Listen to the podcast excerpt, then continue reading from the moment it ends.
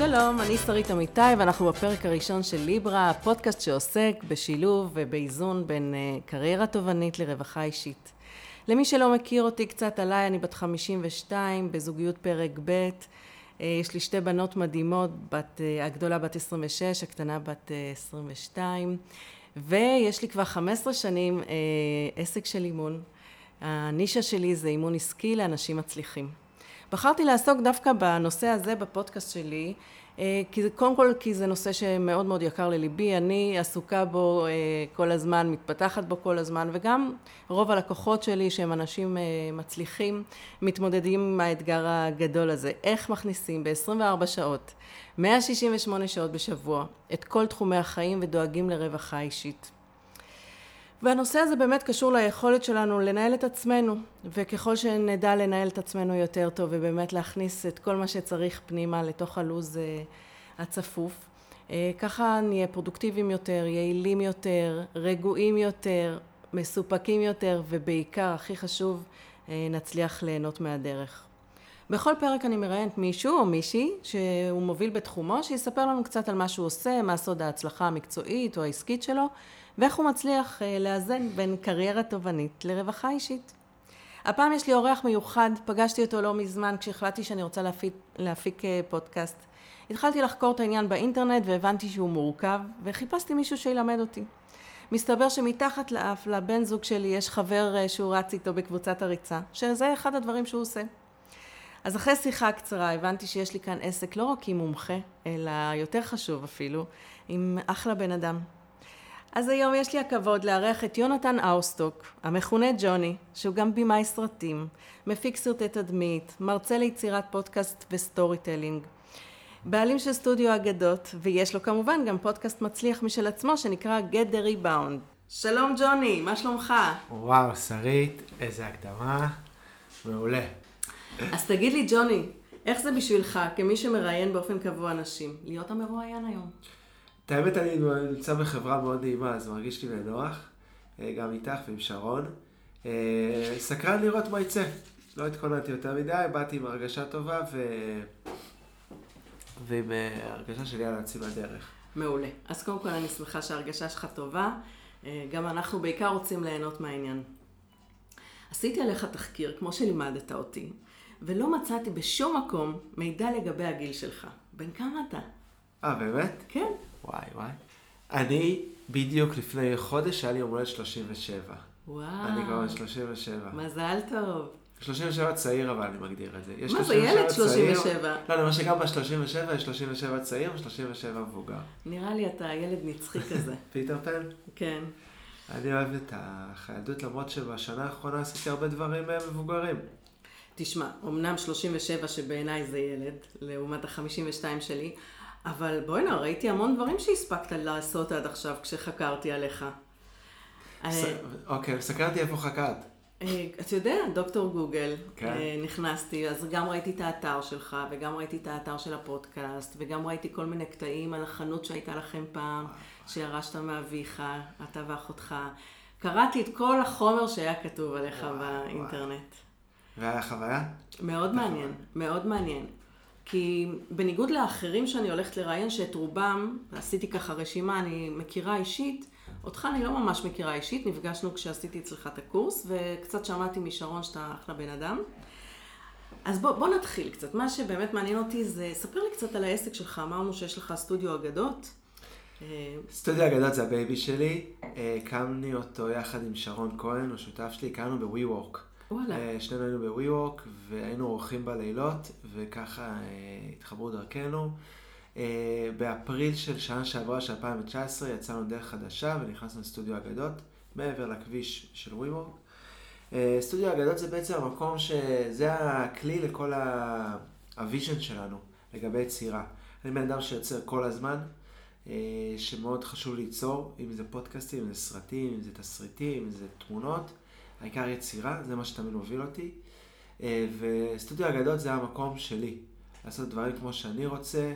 אה, אתמול היה לי שם צילומים לעמותת אנוש, הפכתי לגמרי כל הכיתה שאת היית שם, פיניתי את כל השולחנות והכיסאות, הבאנו תאורה, הבאנו אה, רקעים, והמקום נראה אחר לגמרי.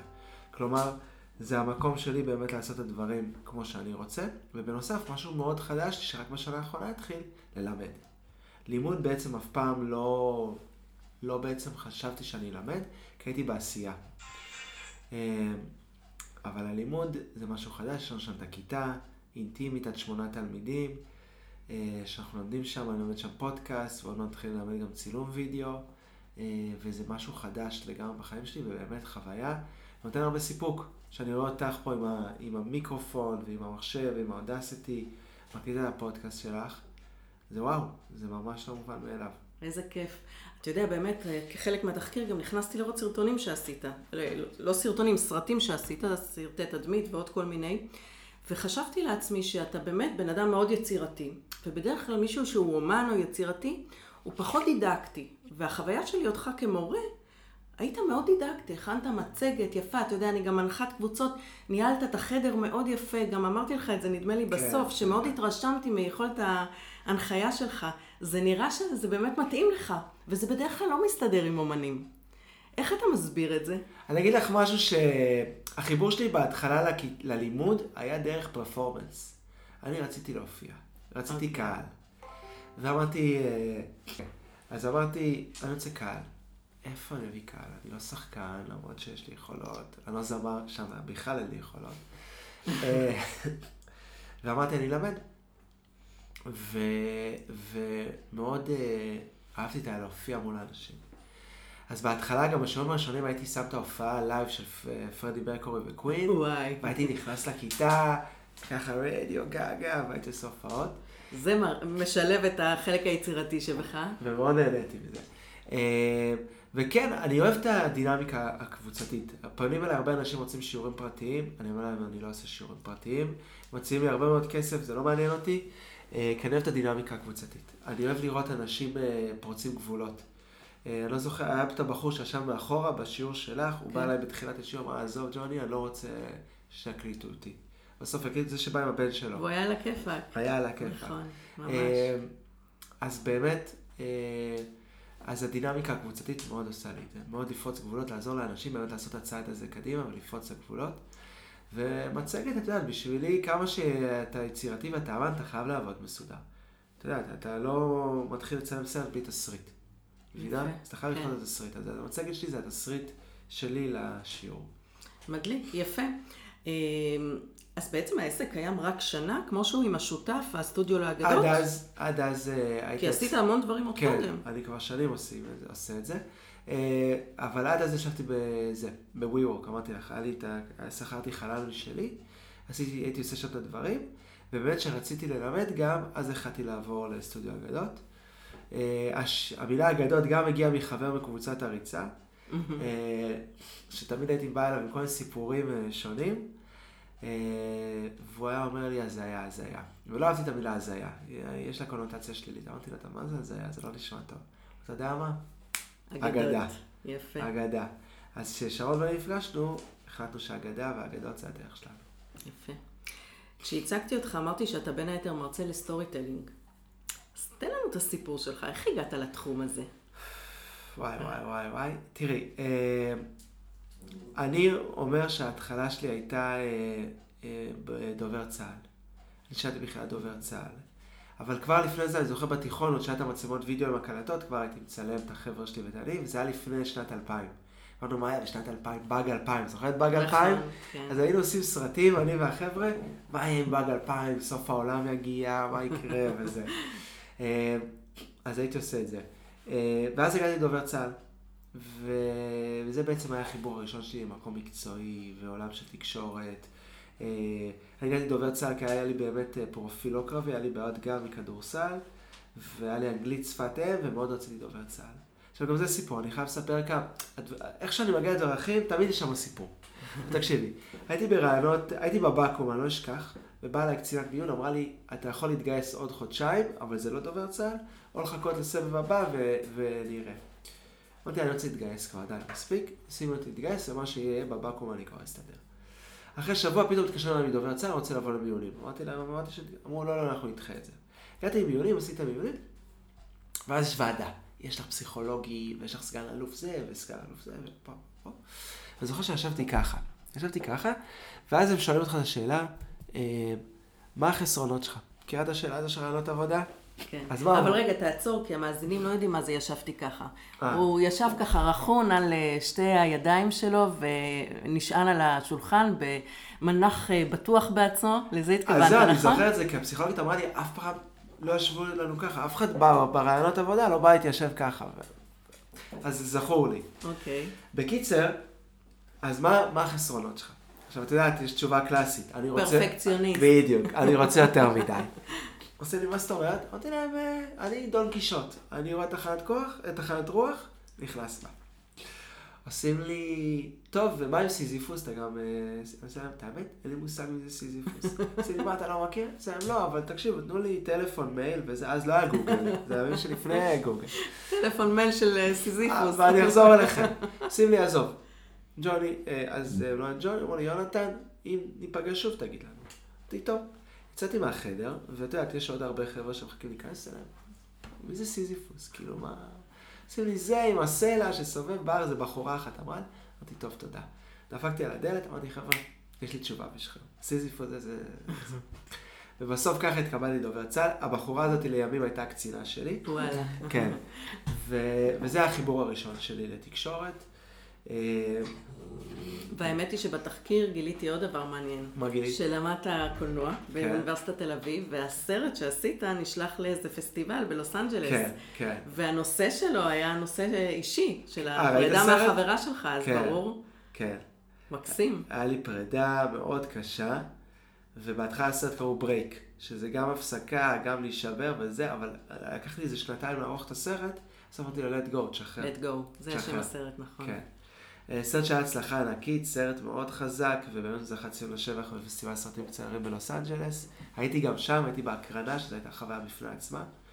אה, ומאז עשיתי עוד כמה סרטים, אבל זה באמת היה סרט. אה, כל הסרטים שלי סרטים שנוגעים למשהו שאני עובר. וואלה, כן. יפה. אז אין ספק שעברת את מבחן ה storytelling, שזה גם נושא שמאוד יקר לליבי. אז תגיד לי, אני רוצה לשתף אותך באיזושהי הבחנה שיש לי, אה, שלמדתי אותה מטוני רובינס, המאמן מספר אחד בעולם. הוא בעצם אומר שכולנו בעלי עסקים, יש לנו, יש שלושה טיפוסים. טיפוס האומן, שהוא ככה אוהב את העבודה המקצועית, במקרה שלך זה הצילום, זה העריכה, זה עשיית הקולנוע. אה, מנהל, שהוא זה שיודע אה, לתכנן, לה- להוביל צוות, לעשות את העבודה האדמיניסטרטיבית יותר. והיזם. ויש את היזם, אתה מכיר את ההבחנה הזאת? אני, אם את, אני שמעתי שזה הולך לפי אה, 74 אחוז, 25 אחוז ואחוז אחד. אז אני לומדת ממך, כי אני לא שמעתי שזה מתחלק. כן? אז מה, מה 74? אומן? אז אומן ויזם גם. יש לי כזה את הקטע של היזמות. אז זהו, רציתי לשאול. אצל- מה אצלך הדומיננטי? כי בדרך כלל יש אחד שדומיננטי יותר. אז האומן והיזם. האומן האומן והיזם. והיזם, לגמרי. אוקיי. יש לי הרבה, אומרת, גם עשיתי כמה אה, אה, פרויקטים יזמיים אה, בחיי, אם זה the rebound, שזה הבלוג, וזה זה, ו, והיה לי גם פרויקט בשם אקספרס יוסף, שזה היה אתר לעיצוב חולצות אישיות. אה, זה עוד לפני שהכרנו, שרון. כן. אני חושב שבדיוק הכרנו, אני לא זוכר. אני זוכר שהיו חולצות מעניינות שראיתי. כן. תמיד היית מגיע עם חולצות מיוחדות, אז אני מניח שזה כבר היה אחרי. זה היה בדיוק בתפר. אז יש לי את הקטע של היזמות, אה, וזה כל פעם משתנה כזה, אה, בהתאם ל- לתקופה שאני נמצא בה, את האמת. יפה. תגיד, אז, איך, אז אתה אומר שהיזם והאומן, אז איך אתה משלים את המנהל? כמו שאמרת במצגת, הכנת את זה מאוד, אה, אתה מתכנן דברים, אתה נערך לזה, זאת אומרת, יש בך גם את החלק הניהולי. השותף שלך הוא יותר מנהל? לא, את האמת, יש לי את החלק הניהולי וזה מצחיק, כי בכובע הקודם לי את החנות, היה לי עסק, היה לי חנות בדיזינגוף סנטר Crazy Richard, שאבא שלי הקים, היה לנו אתר אינטרנט, והייתי מנהל איזה בין חמש לשבע עובדים, אה, והיה לנו חנות, את יודעת, עם כל המשמעויות של אה, ניהול חשבונות, ניהול עובדים, שיווק, אז הייתי הרבה מאוד, הרבה יותר אה, מנהל בתחום הזה. מה, למדת את זה מאבא? ככה ינקת את זה מאביך? כן, אבא שלי היה יזם והייתי הולך הרבה מאוד לחנות, רואה אותו, ולמדתי את הדברים ממנו. אה, זה נעליים מאוד גדולות להיכנס. בדיוק אתמול היה פה אה, עובד לשעבר, שהוא גר בגרמניה, בחור גרמני, והוא בא לארץ, הוא נפגש עם אמא שלי, הוא רצה גם להיפגש איתי, אבל זה לא הסתדר. אז הרבה פעמים מגיעים אה, עובדים לשעבר מחו"ל לארץ לבקר אותנו. וואלה. ואני לא יודע אם את יודעת או לא, אבא שלי נפטר לפני כן, כמה מה שנים. שרציתי לשאול אותך. אז, אה, אז את יודעת, הקשר שלו עם העובדים, אפילו יש לו זוג עובדים שהכירו בחנות, התחתנו וקראו לבן שלהם על שמו. וואו. אז זה באמת נעליים מאוד גדולות להיכנס אליהם, והצורה שבה הוא ניהל את הצוות ויצר איזה רוח צוות כזאת של Crazy Richard, שחיה גם שנים אחרי, זה בין משהו שבשבילי זה, זה השראה ענקית, וגם אה, איזושהי אה, מטרה, ליצור איזה רוח צוות כזה. אז כרגע אני יותר כזה עם שותף וזה, אבל ב vision שלי לגמרי הקטע של הניהול. ודבר אחרון אני אגיד לך לגבי ניהול, שמשהו שזכור לי, היה לי באחת הדירות שלי בתל אביב אה, ספרייה כמו שיש לך, והיה פה כתוב קולנוע, קרייזי ריצ'ארד, ובאותה תקופה גם עבדתי בוויינט, וויינט. וזה הכל היה מסודר בפולדרים כאלה. ובא לי איזה חבר ואמר, תקשיב, זה הדבר הכי מרשים שראיתי בחיים שלי. כאילו, ברגע שראיתי את זה... איזה בן אדם מסודר אתה. איזה... ואני כאילו אומר, מה הבעיה, כאילו פולדרים וזה, כאילו, לא. את יודעת, לא חשבתי. לא ידעת שאתה כזה. לא, לא הבנתי שזה גם כזה big deal. הוא אמר לי, הפולדרים, המדבקות והזה. אז... אה, אז תשמע, נשמע שאתה מחונן, גם יזם, גם אומן וגם מנהל. אז אני מנסה, כן, אז אה, אני מנסה כל הזמן לשלב בין השניים. יפה. לפעמים רבים ביניהם בראש, אני מכירה את זה. הולכים מכות. הולכים, לא, תעשה ככה, לא, למה עשית ככה? כן, הרבה פעמים זה יוצר קונפליקטים, כי האומן רוצה לעוף ולהתפרע, המנהל אומר לו, רגע, תעבוד מסודר, צריך vision, צריך תוכנית, צריך זה. והיזם רוצה לראות את הכסף, איפה רואים את הכסף בכל העניין הזה. נכון. אז אני רוצה רגע שאחרי שככה קצת שמענו עליך, שנתכנס לנושא שלנו הרי, שאיך משלבים. אתה, אתה רב פעילויות, אתה עושה מלא דברים. גם את הפודקאסט וגם את העסק שלך, שבתוך העסק יש גם את הקורסים וגם את העריכה וה, והצילום וכולי. איך אתה שומר על הרווחה האישית שלך? איזה הרגלים יש לך שעוזרים לך לאזן בין הדברים? תראי, דבר ראשון, אני מאוד נהנה ממה שאני עושה. אז בסטודיו לפעמים יש לי ימים של 15-16 שעות. עכשיו, זה ימים ארוכים ומתיש ואתה יודע, אבל אתה לא שם לב שהזמן הולך. אתה נמצא עם אנשים שאתה אוהב, זו התלמידים שלי, או עם השותף שלי שיש לי יחסית טוב איתו, או מגיעים לקוחות לפעמים לערוך ולצלם. אז דברים שאני אוהב. אה, גם אף אחד לא יושב לי על הראש. אה, אז יש לי את החופש הזה. הדבר הראשון, זה א' ב'. כאילו, אתה לא מסתכל על השעון, כי אתה לא חייב להיות שם. את מבינה? אני יכול להיות שם כמה שעות גם. אז אתה אומר, זה לא פונקציה של שעות, כמו זה פונקציה של כמה אני אוהב את מה שאני עושה. אני יכול. לעבוד 15 שעות, שזה לכאורה הרבה, אבל כל עוד אני אוהב את מה שאני עושה, אז זה מבחינתי מאוזן. בדיוק. יפה, אה, אוקיי. גם, זה פרויקטים כאלה שיוצא לפעמים להשקיע הרבה יותר מהתמורה הכספית. כלומר, יכול להיות לי לקוח. יש לי לקוחות כזה שמעולם הספורט, אני מאוד, מאוד, מאוד אוהב ספורט. סגרתי להם איזה מחיר מסוים, אני מוצא את עצמי, מוצא, עובד הרבה יותר על הפרויקטים שלהם, בלי שאני אגיד להם, תקשיב, עבדתי עוד אה, משמרת עריכה, אז זה אני אחייב אותך. Mm. אז זה גם, זה לא רק המיקום, הבית הזה שיצרתי בסטודיו אגדות, אלא זה גם התוכן של מה שאני עושה. זאת אומרת, אתה, אתה בוחר את התכנים ואתה כן. בוחר במה אתה משקיע, ככה. כן. אוקיי. אה, עוד משהו הרבה זה זרימה.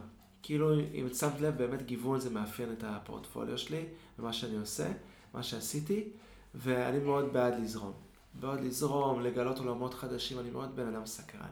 סקרנות זה מפתח לאושר, כמו שאני רואה את זה. אה, לפי דעתי גם סקרנות זה ההפך מביקורתיות. תחשבי, עכשיו את מכירה איזה מישהו חדש, יכולה לבוא ביקורתי, למה הוא ככה, למה הוא ככה, ואם את באה סקרנית, למה הוא ככה? אותה שאלה, רק כאילו עם פרספקטיבה שונה, במקום אחר לגמרי. אז אני כבר רוצה להגיד לך שאתה גם יכול להיות מאמן מצוין עם גישה כזאת לחיים. coacher? כן, זה לגמרי האלף-בית של coacher, לבוא סקרן, אה, להקשיב ולהכיר את הבן אדם.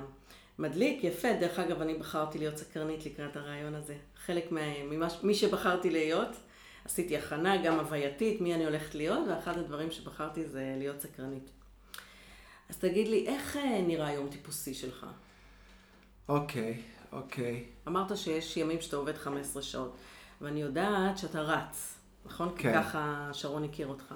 מתי אתה מספיק לרוץ? אני משתדל לרוץ בתחילת היום. כאילו, לא, להוציא את זה מהיום. באיזה שעה אתה קם? אני קם בערך ב-6 בבוקר. וואו. זה וואו? זה בטח לא, שרון קם הרבה יותר.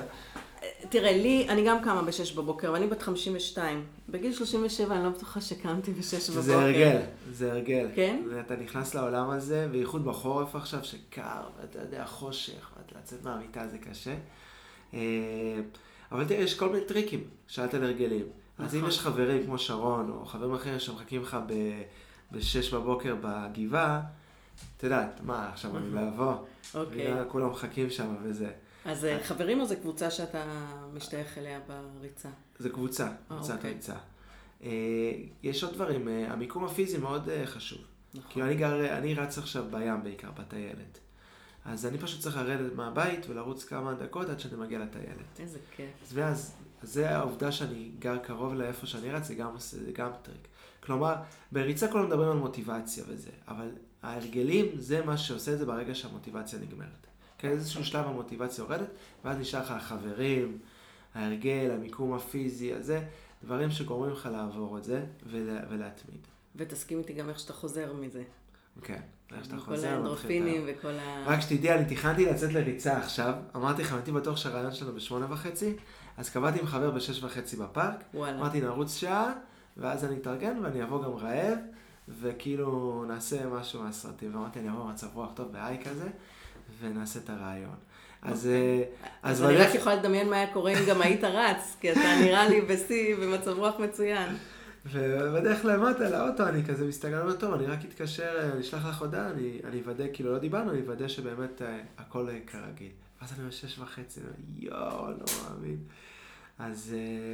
אה, אז ויתרת על הריצה, אז לצערי ויתרתי. הברזת לחבר. ויתרתי, כן, אמרתי לו, תצא, הוא אמור לך לעשות יוגה, הוא עכשיו נכנס ליוגה. אה, אוקיי. אה, תגיד, יש עוד משהו שמעניין אותי. קודם אמרת שיש לך שותף ושאתם מסתדרים אה, טוב. אני רוצה רגע לה- ככה להגיד לך את האני מאמין שלי. אה, שותף יכול להיות באמת משאב שעוזר לך לנהל את האנרגיה, ויכול להיות אה, גם ההפך, משהו שגוזל ממך אנרגיה. אני מכירה את זה, הרבה אנשים באים אליי ועם בעיות עם השותף. וכשזה טוב, כשזה עובד טוב, זה באמת, א', זה מאפשר שהוא ישלים אותך בדברים שאתה לא אוהב לעשות וכזה. וזה גם, אתה יודע, בדרך כלל אם יש סינרגיה טובה, זה מפרה אותנו, וזה, מה שנקרא, זה מחולל אנרגיה. אוקיי? אנחנו מבחינים בין דברים שגוזלים אנרגיה לדברים שמחוללים אנרגיה. איך, ספר לי ככה בתחום הזה, איך אתם אה, מפרים אחד את השני, או מחוללים אנרגיה אחד בשני? תראה, שאלה מעולה. אה, דבר שאנחנו לומדים הרבה אחד מהשני. וואלה. לומדים הרבה. אה, שותף שלי הוא יזם בנשמה, אם שאלתי קודם על זה. תחום יזמות באמת אפשר ללמוד ממנו הרבה, לומד ממנו הרבה.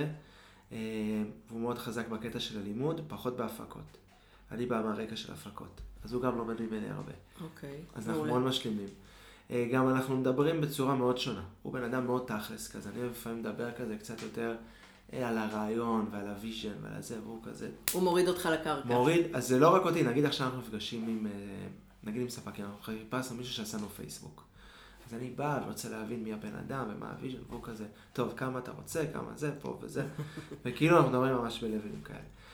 אז אה, אתם משלימים אחד את השני. בקטע הזה אנחנו משלימים. דבר נוסף, אה, יש לנו הערכה הדדית, זה הכי חשוב. עכשיו, לפעמים אנחנו נכנסים אחד בשני, לפעמים יש צעקות, יש ריבים, אבל אף פעם לא לוקחים ללב.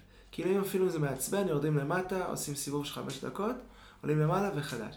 כלומר, אני לא נעלב, או הוא לא נעלב, כי אני בסופו של דבר מעריך אותו, ואני יודע שהוא מעריך אותי. ו... ולפעמים שיש טאקלים אה, מקצועיים, אז ככה עוברים את זה.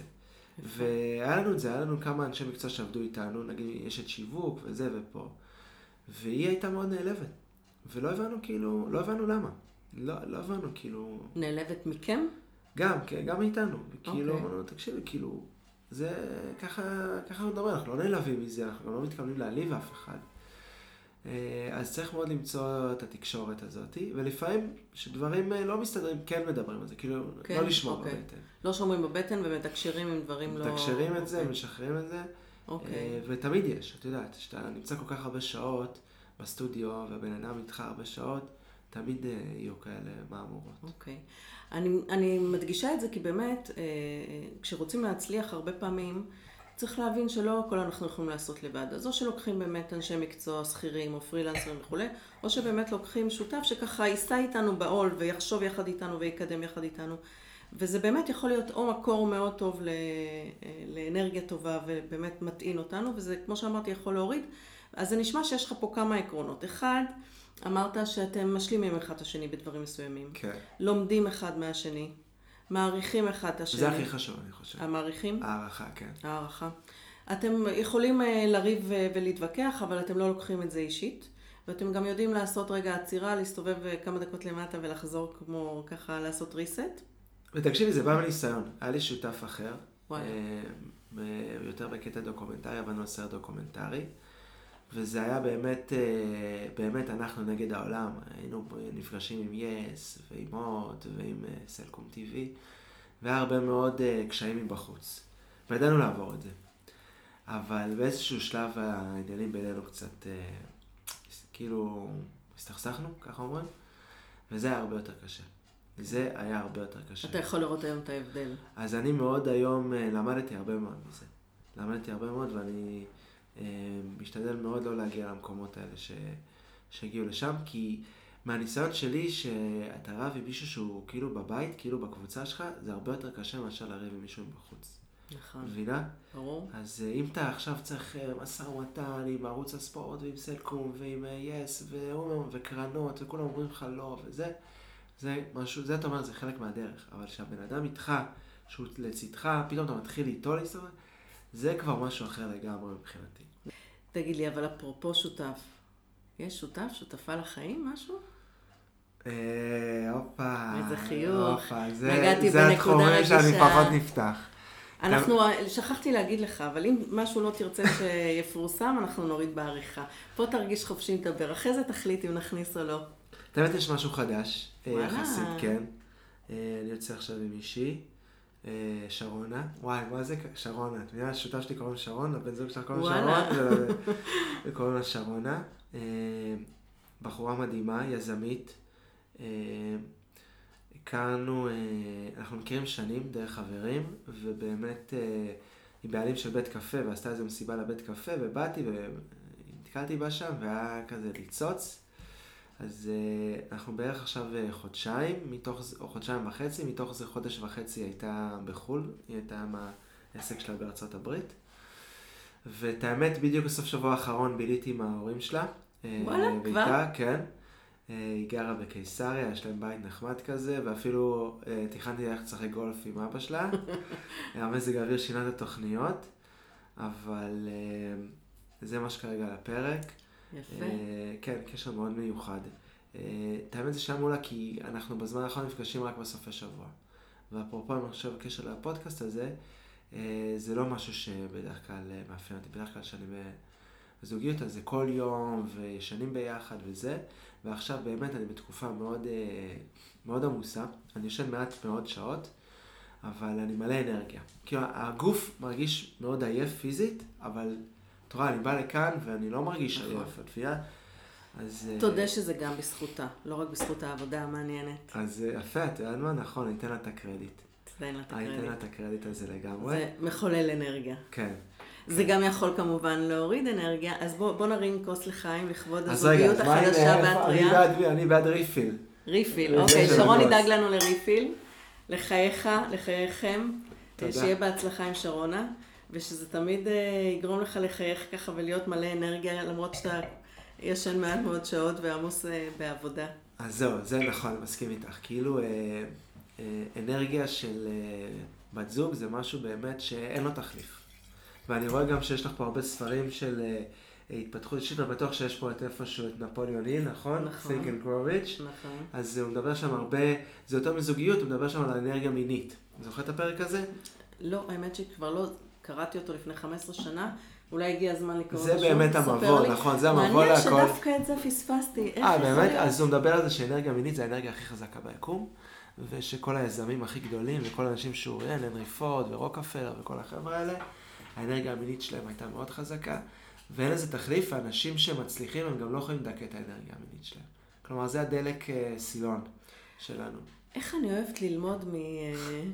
מלקוחות שלי, או במקרה הזה ממרואיין, שיחקת אותה, ממש. שרון, אתה מבין? עכשיו הכל ברור, לא? איזה כיף. עושה לי האוטינג? כן, אני עושה לך אאוטינג.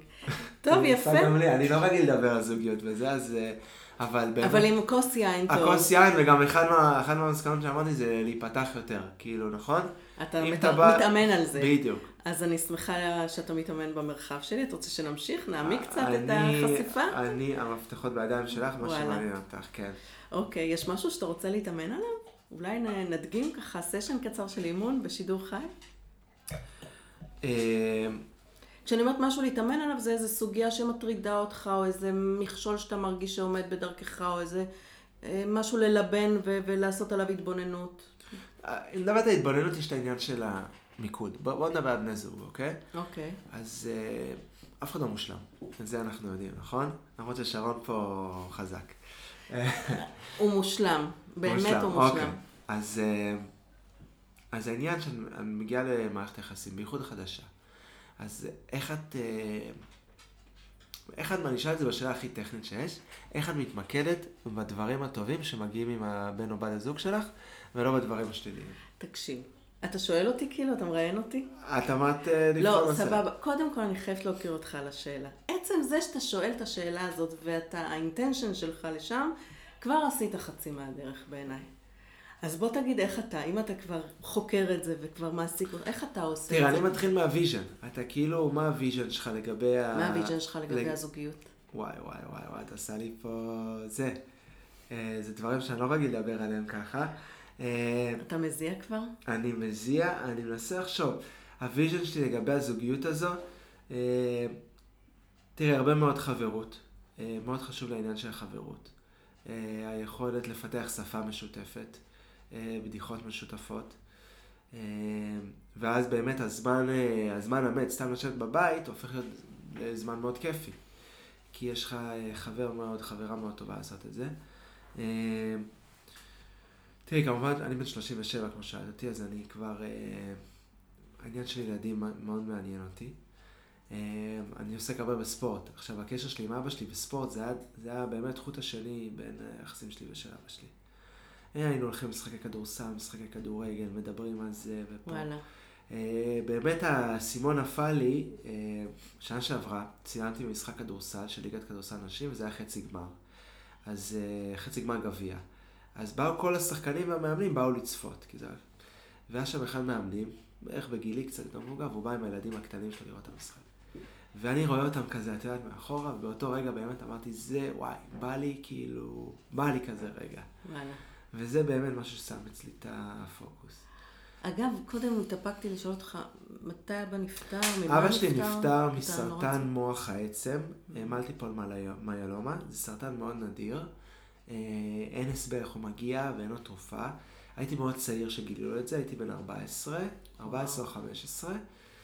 אה, עכשיו, העניין שנתנו לו, לא נתנו לו הרבה זמן, נתנו לו שישה חודשים או תשעה חודשים, אבל הוא, אה, הוא החזיק עשר שנים.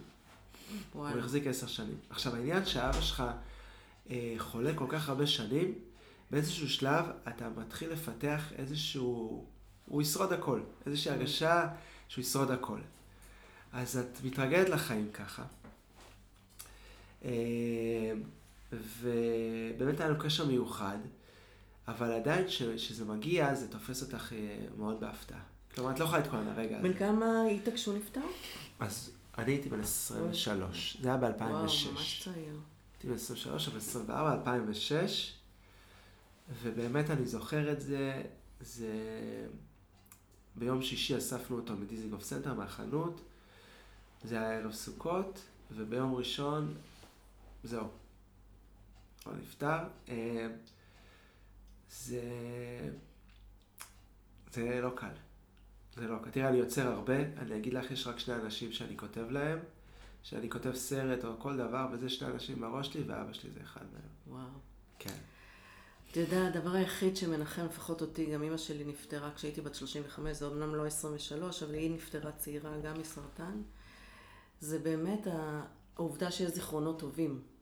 זה מאוד, אותי לפחות, מאוד אה, מנחם, ואני באמת אה, מזכירה אותה ומדברת עליה המון, אפילו אתמול העליתי פוסט והזכרתי אותה, אני ככה חי אותה, שרון שומע אותי מדברת עליה הרבה. אז זה נשמע שככה, אבא שלך נמצא איתך. כל אני- הזמן. אני אגיד לך. אחד, הסרט הראשון שעשיתי באוניברסיטה, היה לי כמה דברים שרציתי לספר לך. וואו. עכשיו, אבא שלי נפטר שבועיים לפני שהתחלתי ללמוד קולנוע.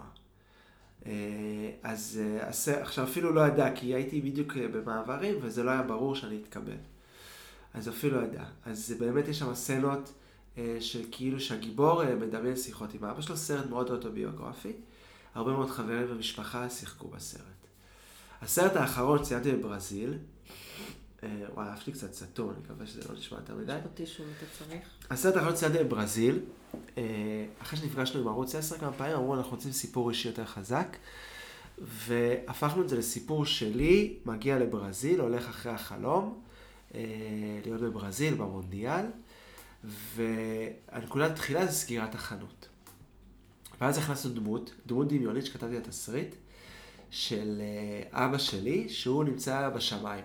והוא צופה בכל המסע הזה, והוא מתחיל את הנקודה מאוד עצבני עליי. למה סגרת את החנות בשביל לטוס לברזיל? החנות באמת הייתה מפעל חייו, משנות ה-70, זה היה מוסד תל אביבי ביפו, ואז כיכר אתרים, ואז דיזיגוף סנטר, והכנסתי את זה.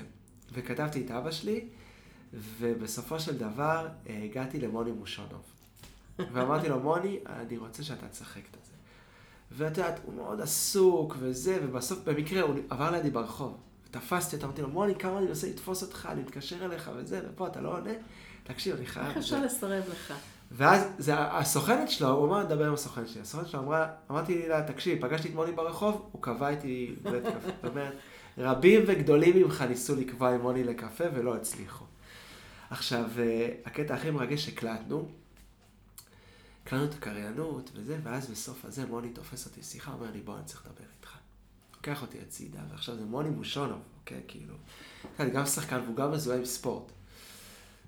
הוא אומר לי כמה דברים. הוא אומר לי, דבר ראשון, אם אתה צריך אותי לעוד הקלטות, אין בעיה, אני אפנה את הזמן, תגיד לי מתי צריך, כי אני יודע שבדרך כלל תמיד צריך השלמות, אני איש שלך. שתיים, הוא אומר לי, תקשיב, אל תפחד להיכנס יותר לעומק עם ה-voice over. אני יודע שאתה לא רוצה יותר לעשות זה רגשי, וזה סיפור אישי וזה, אבל יש לך פה עומק רגשי מאוד עמוק, לך עד הסוף. וואלה. והדבר השלישי, סגרתי איתו איזשהו מחיר, כמה אלפי שקלים. הוא אומר לי, תקשיב, אני מוותר על השכר שלי, אני אסגור את זה מול הסוכנת, קח את כל הכסף שהתחייבת, תשקיע אותו בסרט. מה שאתה צריך לסרט, תשקיע אותו בסרט. איזה מוני זה. וואו, תקשיבי, הייתי, רעדתי. הייתי עם צמרמורת.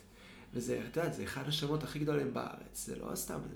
והוא אומר לי את זה ככה, סרט שהוא באמת סרט אישי, ששנים צילמתי וערכתי, ופה, ועברתי איתו ב...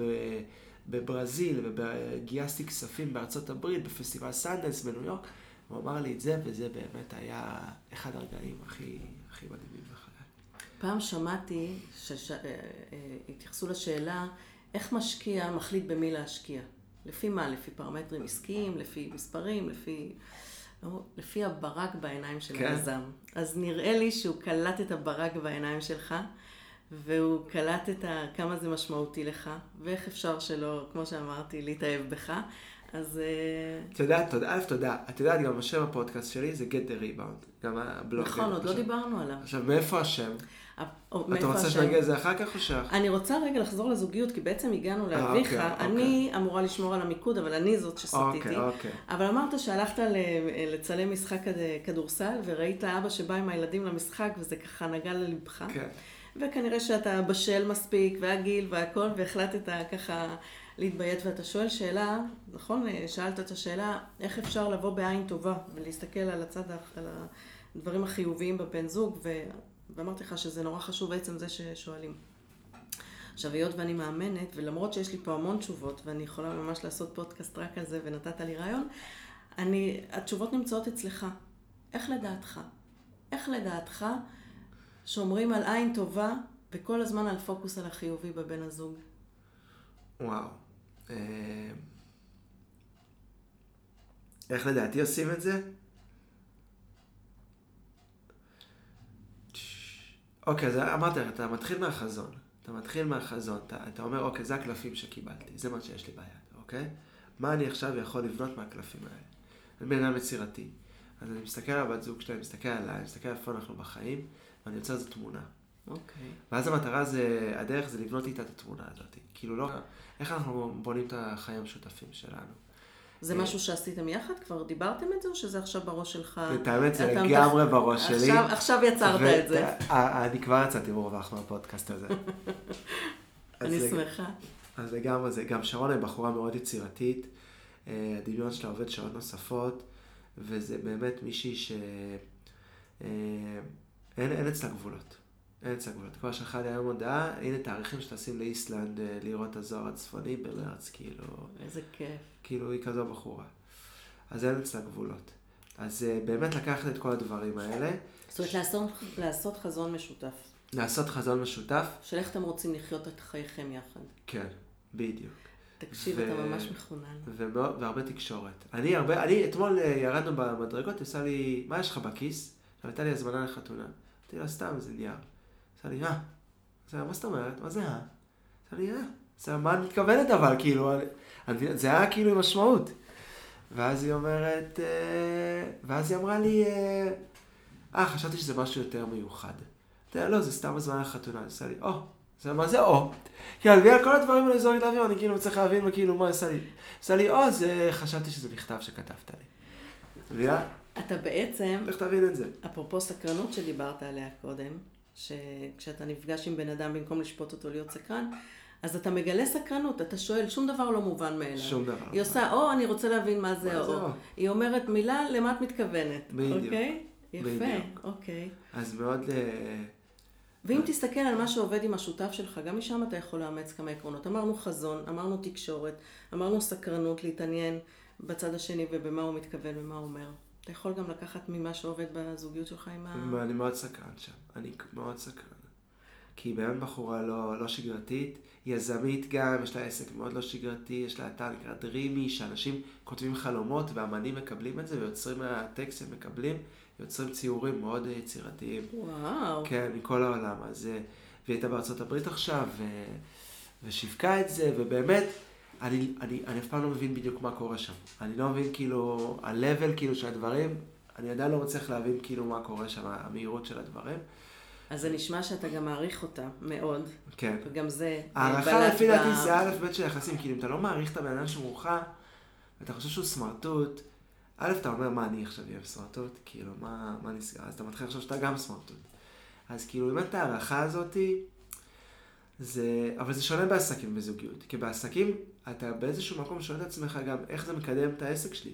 כאילו, האנשים שאני נמצא איתם. אה, אני תמיד מרגיש שגם השותף שלי בוחן אותי בקטע של האם זה מקדם את העסק שלנו. כאילו, אם היחסים בינינו לא מקדמים את העסק, אז עם כל הרצון הטוב וזה, השאלה אם יש שם מספיק בשר שזה יחזיק, את מבינה? בזוגיות ומשפחה זה, יש אלמנטים מאוד דומים לעסק. את מבינה? אני כן, בטוח. האם יש דברים, לדוגמה, אני יודע, תגידי מתי את רוצה שנמשיך הלאה, אנחנו תכף אה, אבל נתמקד. אה, האם יש דברים שמבחינתך, את כאילו, הכל אפשר לדבר.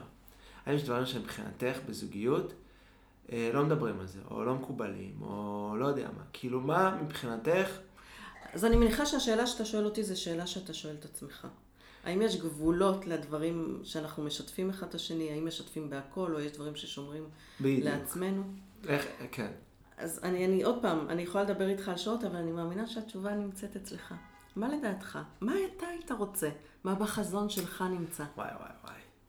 אה, תראי, אז אה, בחזון הייתי רוצה באמת להיות מסוגל לדבר על הכל. נגמר. יש לך את התשובה.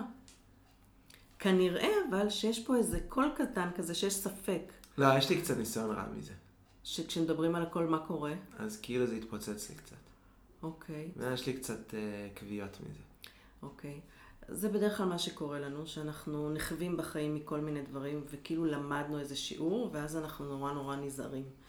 והרבה פעמים, אתה יודע מה קורה כשנורא נזהרים? מה? כשנזהרים לא לשבור ביצים, נשברות הכי הרבה ביצים, נכון? כן. מכיר את זה? אוקיי. אז יש פה פער בין מה שאתה רוצה, כי אמרת רוצה לדבר על הכל, לבין מה שאתה חושש שזה, מכיר, כן. מכיר שזה עלול לפגוע בזה. כן. אוקיי, אבל אם אתה יכול רגע ללמוד ממה שקרה אז, איך אתה היית מכניס את השיתוף? כאילו מאיזה איזה אלמנטים צריכים להיות בשיתוף בשביל שזה לא יהרוס? צריך שהכוונה תהיה ברורה, אני חושב. כלומר, גם אם מדברים על דברים קשים, שהכוונה, שסיבת השיחה היא כדי לפתור את העניין ביחד, ולא כדי לפרק את החבילה, היא צריכה להיות מאוד מאוד מאוד אה, מושרשת בשני בני הזוג. יפה. כי... אני קראתי, אה, אה, המאמנת שלי פרסמה ניוזלטר לאחרונה, והיא אמרה ש... מה, מה, איך אפשר לא לבקר? איך אפשר, הרי יש איזה מושג שנקרא ביקורת בונה, וגם הוא חשוב בחיים. אז אה, אני לא בטוחה שאני אדע לצטט, אבל אמר, משהו מהמקורות, שאמרו, אה, על כל כף של ביקורת, קערה של עין טובה. נכון. שזאת צריכה להיות הפרופורציה. בדיוק. אפילו דיברו על זה, פעם לי את זה במונחים של כסף, כאילו אתה הולך לבנק להפקיד, אז על כל פעם שאתה מושך כסף, שזה ביקורת, אתה חייב להפקיד פי 100. בכלל, אנחנו, אה, אני אוהבת לדמות מערכת יחסים לחשבון בנק. שיש בו הפקדות, כן. ויש בו שמעתי משיכות. זה. ומה הכי חשוב? ההפקדות. שורה תחתונה, שנהיה בפלוס. כן. יותר הפקדות מאשר אז משיכות. מעניין מה ששרון אמר על חמלה. כי אני במהלך, אני גם רץ, במהלך השנים פיתחתי תיאוריה שהרצים הכי טובים בעולם, חייבים שהתכונה הכי גדולה שתהיה להם זה חמלה ברמות הכי גבוהות. וואו, כי- שרון. כי אתה אחרי מרוץ, נגיד, אה, שלא מצליח, או אימון לא טוב, או פספסת אימון, או משהו וזה, אם אתה לא במלא חמלה עצמית, אתה יכול להיכנס לסרט רע. אתה יכול פתאום לא להתאמן, לא זה, זה, איך עשיתי, איך עשיתי. יש לך הרבה מאוד חמלה, ואתה אפילו פספסת בשנייה את השיא שלך, אין לך בעיה להמשיך. וכל העניין בריצה זה שאתה תמיד, אין גבול, אתה מבין? אתה מגיע, עושה שיא אישי, עברו כמה חודשים, יאללה, בוא נראה איך אני יורד משם. עכשיו אז- אני מבינה למה אתה איתי. אז התכונה הכי חשובה. לרץ או לספורטאי, גם שחקן כדורסל שמכתיז זריקה חשובה, זה חמלה. ולבוא, אוקיי, בסדר, מקסים. פספסתי את הריצה, פספסתי את זה, יאללה, ממשיכים הלאה. וזה משהו שגם אני למדתי בשנים האחרונות, באמת. מקסים, ממש מקסים. טוב, אה, אתה יודע, כשפרסמתי פוסט בפייסבוק ש, שאני הולכת לעשות פודקאסט, זה יצר המון תגובות ופרגונים, אה, והמון אנשים התעניינו איך, איך אני עושה את זה ואצל מי למדתי וככה. אז אתה רוצה אולי לספר לכל המאזינים שנדלקים על הרעיון, על הצעדים הראשונים, או מה יש לך להציע בעניין הזה? מעולה, מעולה. אה, תראי, אני, התחום של פודקאסטים זה, א', זה תחום שמאוד קרוב אליי, אה, זה דרך מאוד מעניינת לספר סיפור. היום שלאנשים אין זמן, אה, ואנחנו לוקחים את הנקודות האלה של הנסיעה לעבודה, לדוגמה. שיש פקקים ויש זה, ואנחנו עומדים לספר להם סיפור מעניין, זה משנה להם את כל היום. אני היום, לא מעניין אותי פקקים, לא מעניין אותי חנייה, ואני גר בתל אביב, יש לי את הפודקאסט שלי, לפעמים אני מגיע למצב שאני מוצא חנייה ונשאר באוטו עוד רבע שעה, כדי לסיים את הפרק. היום הארכתי בחצי שעה את הרכיבה שלי, בשביל לגמור לשמוע את הפודקאסט שהקשבתי לו. בדיוק. אז זה דרך מאוד מיוחדת לספר סיפור. אה, אז זה משהו שמאוד נוגע לי אישית. אה, ובאמת אני מציע שני דרכים. אני מציע סדנה, כמו שאת היית, סדנה של ארבע שעות, שאנחנו עוברים במהירה על כל התהליך מפיתוח הרעיון ועד איך מפרסמים את הפודקאסט שלנו בספוטיפיי ואפל TV, דרך הקלטה, עריכה, פרסום אה, והתנסות. שזה מתאים לאנשים, אנשים אנשים כמוך, שבאמת עם אמביציה והולכים ועושים. ויש גם אה, חממה של ארבעה מפגשים, שזה דרוש, שזה אנשים שצריכים קצת יותר אה, תמיכה לאורך הדרך, יש להם הרבה שאלות, ולא יודעים בדיוק, ולא יודעים זה, אז אנחנו עושים את התהליך הזה ביחד. זה שיש את הכיתה שתומכת, ויש את המסגרת הזאת, ויש אותי, זה מאוד תורם לחבר בכיתה. והיה לי את המחזור הראשון, ואחד מהחברים, אריאל, אה, גם יועץ, יועץ זוגית האמת, החליט לעשות פודקאסט על זוגיות ועל מיניות, משהו מאוד מעניין, והוא התקשר, אמר לי, תקשיב ג'וני, אין לי מושג, לשלוח אימייל בשבילי זה סיפור. כאילו, ואתה רוצה שאני אפתח אה, פודקאסט? כאילו... הוא התייחס לצד הטכנולוגי. אמר, אני, אין, אין, עזוב אותי טכנולוגי, לא מעניין אותי, לא כלום, לא שם. אמרתי לו, תבוא. אל תדאג, תבוא. רק תבוא, תתחיל, לא מתאים לך, תלך, כסף. אז בואו נסיים את השיחה שלנו. בעצם יש לי שתי סיומות. אחד, אני רוצה לעשות איתך מרתון קצר של שאלות תשובות כזה מהיר. אה, זה משהו שאתה הצעת לי לעשות, מין פינה כזאת. אז כמה שאלות שהכנתי. איזו מתנה נתת לעצמך בשנה האחרונה? איזה מתנה נתתי לעצמי בשנה האחרונה? אה, וואו, וואו, וואו, וואו, וואו, וואו, וואו. שרונה! שרונה? ברור, אוקיי. אנחנו עוזרים לך פה. וואי, שניכם עם העבד הזה. היה לי ברור, כן. כאילו, אני לא הבנתי איך זה לא קפץ. שהיא לא מה? תשמע את זה. מה הדבר שהכי ממלא אותך באנרגיה? שרונה. יצאתי מזה. מה הדבר כשאתה ש- עושה אותו, אתה שוכח את עצמך ואת הזמן? וואי, צילומים. צילומים, צילומים. אוקיי. צילומים. אתמול היה לי צילומים לעמותת אנוש, וראינו אנשים עם אה, מחלות נפש, והאינטראקציה איתם, ול- ולפתוח אותם, והצוות, הקמנו סט סופר מקצועי. היה את ניר שעזר לי, משהו באמת, אה, וואו. איזה כיף, ממש מרגש לשמוע אותך. מה הרמה הבאה שלך בהקשר של האיזון בין אה, קריירה לרווחה אישית? אה, אז אה, אה, ללמוד לעבוד בצוות. אני מאוד עכשיו משקיע בלפתוח את עצמי לעבוד שוב פעם עם צוות. לנהל צוות ש... לנהל צוות, עובדים? כן, אם זה מפיקה, אם זה צלמים שעבדו איתי ואני אביים, אם זה אורחים, ללמוד להרחיב את עצמי ולצוות. מקסים. מקום בעולם שאתה חולם להיות בו? היעד הבא שלי זה טוקיו, יש שם את המשחקים האולימפיים בקיץ, ובתור מי שהיה בשני מונדיאלים האחרונים משחקים אולימפיים, כדאי מאוד שאני אהיה שם, ואני גם עובד עם הוועד האולימפי, והמטרה שלי זה להיות... אה, המטרה שלי שאני אהיה בטקס פתיחה באיצטדיון, חלק מהמשלחת הישראלית. לא יודע אם בתור ספורטאי, אבל אני אהיה שם איתם. וואי, מדליק. זו המטרה. ובאמת לא דיברנו על הפודקאסט שלך, אבל רגע. ספר שהטביע בך חותם. ספר שהטביע בי חותם. אוקיי, יש פה כמה ספרי ספורט, יש פה את הצוות המנצח פט ריילי, יש ספר אה, שנקרא אה, אה, Sacred Hoops, סלים קדושים, שכתב אותו פיל ג'קסון, שהוא מאמן כדורסל. מדהים, מדהים, שם, כן. וואו. אז זה הספר הראשון שהמליצה לנו לקרוא המרצה שלי בקורס מאמנים. וואו. אז אני קראתי את זה כשהייתי בן 16 או 17. וואו, ואני מת לקרוא אותו, שוב פעם. יש לי קטע שאני לא יכול לקרוא ספרים פעמיים. יאללה, אנחנו קוראים אותו עוד פעם, יאללה, גם אני. יש לי אוקיי. אותו איפשהו. סרט שהטביע בך חותם, אתה איש סרטים. וואו, וואו, וואו, וואו. אני מאוד אוהב את אה, סיפורו של וויל הנטינג. מכירה את הסרט הזה? כן. סרט שאני מאוד מתחבר אליו. בחור גאון, עניין של תקשורת, של לבטא את עצמו, של להרגיש בנוח, להרגיש בנוח עם הבחורה, עם מיני דרייבר. סרט שאני לא יכול להפסיק לראות, וכל פעם הוא נוגע בי מאוד. מקסים. סר, אה, דמות שמעוררת בך השראה. דמות שמעוררת בך השראה. אה, זה יכול להיות לא, לאו דווקא מסרטים. אתה יודע, מישהו לך, בעולם. אמרתי לך, דיברתי איתך על אבא שלי. אבא שלך. ועצם העובדה שיש עובדים שלו שגרים בחו"ל ובאים לארץ, הם שולחים לי הודעה, מתקשרים לאימא שלי, אנחנו רוצים להיפגש, ועברו כבר עשרות שנים, זה כאילו בשבילי, וואו, ליצור תרבות, ליצור אה, מותג, ליצור אה, חברה, זה... אני כאילו, כמה שיחות עם אבא שלי הייתי יכול לעשות על זה, אממ. כאילו מפה ועד אין סוף. אז תגיד לי, אם היה לך עכשיו את אבא שלך לשעה, מה היית רוצה לשאול אותו? מה לא, כאילו, באמת היה לי איתו הרבה שיחות. היו לך? היו לי איתו הרבה שיחות. אה, מה לא, תראה, בעסקים, אה, הוא כאילו, אתה יודע, מהחנות שלנו, דיזנגוף סנטר, קנינו בית, גדלנו, היה לנו חיים בתור ילדים לאחותי ולי ואימא שלי, ולא היה לנו חיים בסדר גמור, כאילו, היה חיים מעולים. כאילו, הוא ידע לעשות את זה. אני בשוק, כאילו, עכשיו, את יודעת, שאני עושה את זה, זה פתאום אני מבין כאילו את המורכבות. עכשיו, הוא היה חולה, היה עצמאי, בעל עסק, בחנות, ולא היה משחק כדורסל שלי שהוא פספס לאורך כל השנים הללו. הוא ידע לאזן. איך כאילו אתה עושה את זה, כאילו?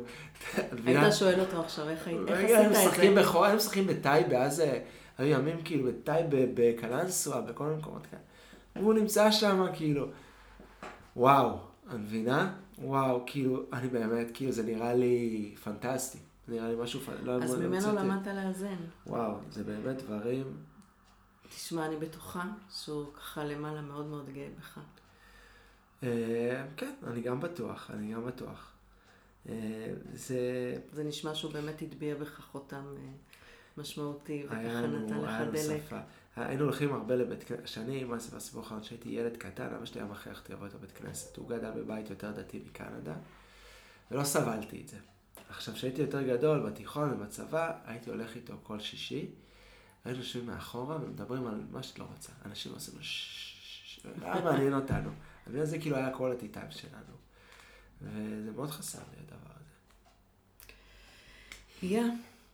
אז זהו, ומילה אחרונה לאימא שלי, אוקיי. שהקשר שלי איתה בשנים האחרונות מעולה, ויש לנו הרבה בדיחות והרבה צחוקים, וגם עם מאיה אני לומד הרבה, ו... והיא דמות מאוד משמעותית. אז אה, שלא תחשוב שזה רק אה, אבא שלי, באמת הקשר שלנו השתנה בשנים האחרונות, והרבה יותר פתיחות. איזה יופי. מצוין. אז ג'וני, לסיכום, תן לי פידבק בתור המורה שלי לפודקאסט. וואי, לקחתם אותי למקומות שלא תכננתי להגיע אליהם, ובדרך כלל חשבתי על מה נדבר ומה פה. אה, מבחינתי, יצרת אצלי פתיחות, יצרת אצלי אה, אה, אמון, יצרת אצלי ביטחון, לשתף בצורה מאוד חופשית. כמובן זה קשור גם להיכרות בינינו, וזה לא, אנחנו לא נפגשים בפעם הראשונה. עם שרון אתה מתכוון. עם שרון, אתה יודע, שרון גם הורדתי בריצה במצבים אה, לא פשוטים. אה, אז באתי אליו מימון, אבל באמת דיברתי פה על נושאים שבדרך כלל אה, אני לא מדבר בצורה חופשית, אה, בייחוד לא בפומביות. ובעצם שמחתי עליך במאה אחוז, כאילו עכשיו מקליטה אותי. אה, אז, אז זה לזכותך, זה הישג מאוד גדול, ליצור את היחסים האלה לרואיין. אה, וגם במקביל, כמה שזרמנו בשיחה, ופתאום שרון הגיע, גם זה הרגיש שאת כל הזמן עם אצבע על ההדק, אה, עם הזמנים, לאן את רוצה להגיע, שזה מאוד חשוב, כי עוד פעם, אנחנו יכולים לדבר על זה במשך שלוש שעות גם עכשיו. אה, תדעי, בפודקאסט אין גבול.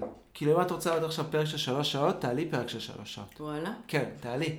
אם מישהו לא יגיע לסוף, הוא לא יגיע לסוף. אם ייקח לו שבוע להקשיב לזה, כל יום חצי שעה, זה גם בסדר. אתה, אה, באמת זו סוגיה שמטרידה אותי, כמה זמן צריך. אני אין לי מושג דרך אגב כמה זמן זה אני היה. מקשיב, אנחנו... לא, יותר לא, משעה. יותר משעה? אז זה שעה, ואנחנו עכשיו על שעה ושמונה דקות. אוקיי. אה, אני מקשיב פודקאסטים של שעתיים וחצי, לפעמים לוקח לי שבוע לסיים אותם, פודקאסטים על סרטים, אני מאוד אוהב. אין פה מימד של אקטואליות, אין פה משהו שזה שלחוץ לי לעבור לפרק הבא. ואם זה, את יודעת, אם אני מרגיש שמיציתי, אני עובר לפרק הבא, אבל אם לא, אני נשאר עד הסוף. אז uh, תקחי לעצמך את האורבץ הזה, להגיע למקורות של תוצאה, וזו הזדמנות בשבילך. ג'וני, אני מה זה נהניתי. ואני חייבת להוקיר את שרון הגאון. גאון. שהוא אמר לי, הוא הביא את הרעיון, שנזמין אותך להיות המרואיין הראשון בשביל טבילת האש הראשונה, כשיש כזה חוסר ביטחון, ו, וש, ובאמת עשית את העבודה מצוין, נתת לי ביטחון. ו, ובאמת יכולתי לזרום מאוד בחופשיות בזכותך, אז תודה מאוד על שיתוף הפעולה.